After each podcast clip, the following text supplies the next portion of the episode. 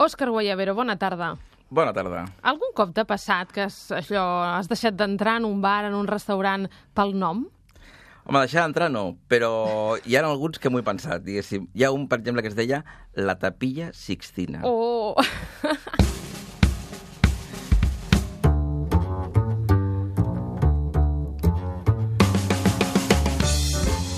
Fet mal, eh, això de la tapilla Sixtina. Bé, amb el dissenyador Òscar Guayavero un cop al mes parlem dels objectes relacionats amb el disseny que envolten l'acte de menjar i parlàvem ara de rètols i de noms de restaurant perquè a vegades pot passar, eh? eh disseny gràfic, menjar, noms, tot està relacionat i bé, influeix a l'hora de triar si entrem al lloc o no entrem. I tant, avui intentarem explicar la importància que té una bona comunicació amb un, amb un restaurant, no? Mm. Triar un rètol em sembla adequat, eh, més enllà del nom, eh, sinó el rètol en si, ara ho anirem descobrint, no és cap tonteria. Eleanor put those boots back on, kicked the heels into the Brooklyn dirt. Però bé, comencem pel principi. Abans de dissenyar aquest rètol hem de triar un nom bàsic, Bàsic. bàsic.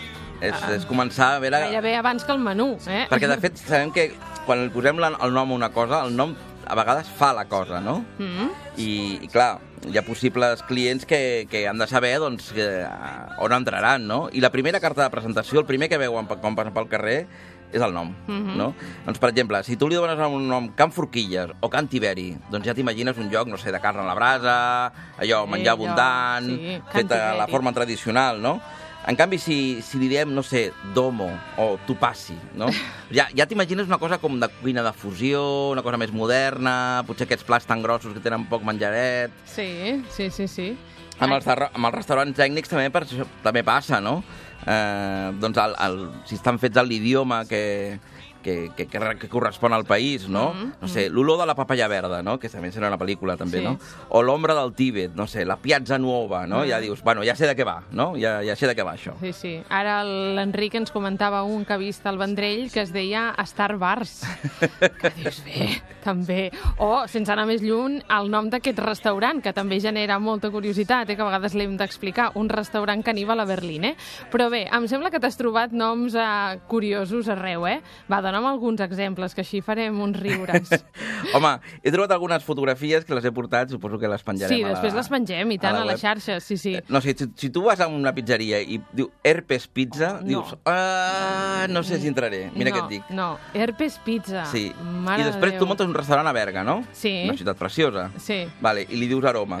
Però clar, acaba sent aroma de Berga. Ai. Ah, no sé si... També hem patinat, no? una mica hem patinat, sí. Al tapone, que són aquestes gràcies, eh? Al tapone... Hi ha un... I de què, de, de què és el restaurant, De no? tapes, clar, De clar, tapes, clar, clar. clar, el tapone, eh, i la màfia suposo que l'utilitza per, per blanquejar diners, no? Que no és Cafè la primera moco. vegada. Ah, també, I també. per què no li diuen moca? No, Clar, moca cafè, però moco. moco, ostres, fa com mal, diu.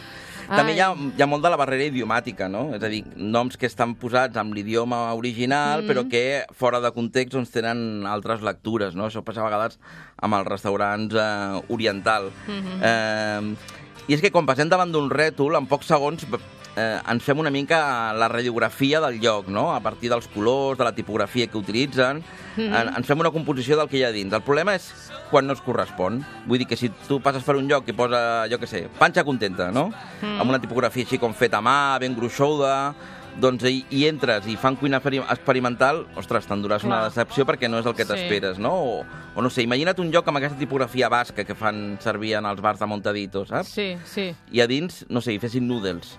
Home, Ah. estaria raro, no? No funcionaria. Clar. Uh, per això és aconsellable comptar, jo diria, amb, amb els serveis d'un professional, no? Així com els, uh, les, les persones que fan restauració no deixen entrar qualsevol a la cuina, doncs que tampoc deixin entrar qualsevol al seu rètol. Uh -huh. però, però bé, suposo que és, és una cosa normal, no? Habitual, o potser no tant, per als exemples que m'estàs donant, que algú no, consulti a un expert això, no sé, en comunicació, suposo, no? Doncs aquesta és la idea del restaurant, quin títol posem, a vegades es posa la babalà i ens podem trobar problemes.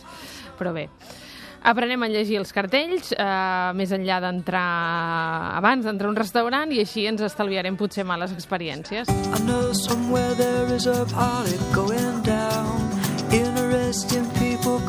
també podem parlar de, de coses ben fetes, eh? no, no tots són desastres. Em sembla que hi ha un dissenyador a casa nostra, a casa nostra que, bé, que, que podríem parlar d'un referent, eh? Bueno, hi ha molts a, a casa nostra, eh? I, en, i, la, I la veritat és que, com tu deies abans, cada cop són més els restaurants que compten amb serveis de, de dissenyadors gràfics. Mm -hmm. A mi hi ha una dissenyadora que em té el col robat, que no Sí. és d'aquí, que, és de, que és de Nova York, mm -hmm. que és la Louise Philly. Eh, és una dissenyadora fantàstica eh, que té una mirada una mica nostàlgica al tema del menjar, tots els seus rètols tenen un aire així com retro, eh, una mica com coses fetes, fetes amb amor, una mica, no? I, I una de les coses que fa la Louise Philly és anar pel món recollint rètols que li agraden i després fa llibres i llavors la gent té com una recopilació de rètols antics que tendeixen a desaparèixer moltes vegades, no? I justament fa poquet ha fet un llibre sobre la gràfica comercial a, a Barcelona que es diu eh, Gràfica de les Rambles i narra doncs, la senyalització modernista i deco de la ciutat, de, de Barcelona, amb vitralls, mosaics, amb, amb allò amb les rajoles, amb tot aquest tipus de coses, no? Mhm. És a dir, uh, m'estàs dient que aquesta famosa Louise i Philly de Nova York s'ha fixat amb les Rambles i, i diguéssim... Bueno, li eh, diu les Rambles, però en realitat és tota, és tota Barcelona. És tota eh? Barcelona, sí, Ella el que fa és, com ha d'anar a algun lloc, contacta amb algun dissenyador, en aquest cas aquí va ser amb el Jordi Duró, que és un dissenyador molt bo que tenim a la ciutat, i a partir d'aquí doncs, va contactar amb uns quants i els hi van donar algunes referències i ella doncs, fa una ruta, fotografia aquests rètols i els, recull, els recull en aquests llibres. Mm -hmm. Ah, també també penjarem les coses maques que fa la senyora Philly des de Nova York, eh? I després una altra figura important, un fotògraf, no?, que es diu Matt Sieber. Qui és Bueno, el aquest, Sieber? aquest l'he portat perquè eh, és una mostra de com és d'important la, la comunicació gràfica, no? Eh, El Matt Sieber és un fotògraf que el que fa és agafa, fa fotografies mm -hmm. llavors després en Photoshop li treu la lletra, li treu la tipografia. Llavors, clar, els paisatges, la, la ciutat es queda sense rètols. Hi ha, Ostres. són carrers una mica enigmàtics, perquè no saps el que hi ha dins, no? Ahà. Perquè no hi ha ni el rètol ni la tipografia en el que està fet aquest rètol, no? I és una mica una mostra de quantes pistes ens dona la comunicació gràfica dels llocs que passem pel carrer i que sabem doncs, si és un estanc o si és una cremeria o si és un lloc d'hamburgueses, jo què sé. Sí, sí, ara, ara estic aquí veient una imatge que, que ens has passat. Uh, Déu-n'hi-do, és molt curiós, eh?, fer aquest exercici de, de treure tot allò que podem llegir, no?, Mhm. i quedar-nos només amb, doncs això, amb la imatge.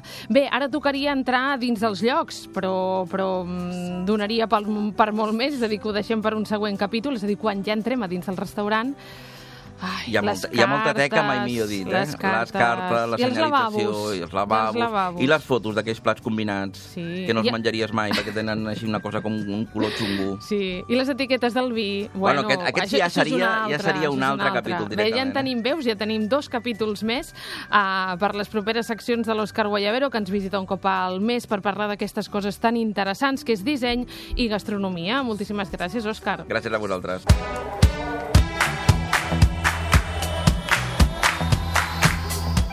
Ens podeu seguir a Twitter i a Instagram amb l'usuari arroba caníbalberlín. Un restaurant caníbal a Berlín. Amb Paula Molés, a Catalunya Ràdio.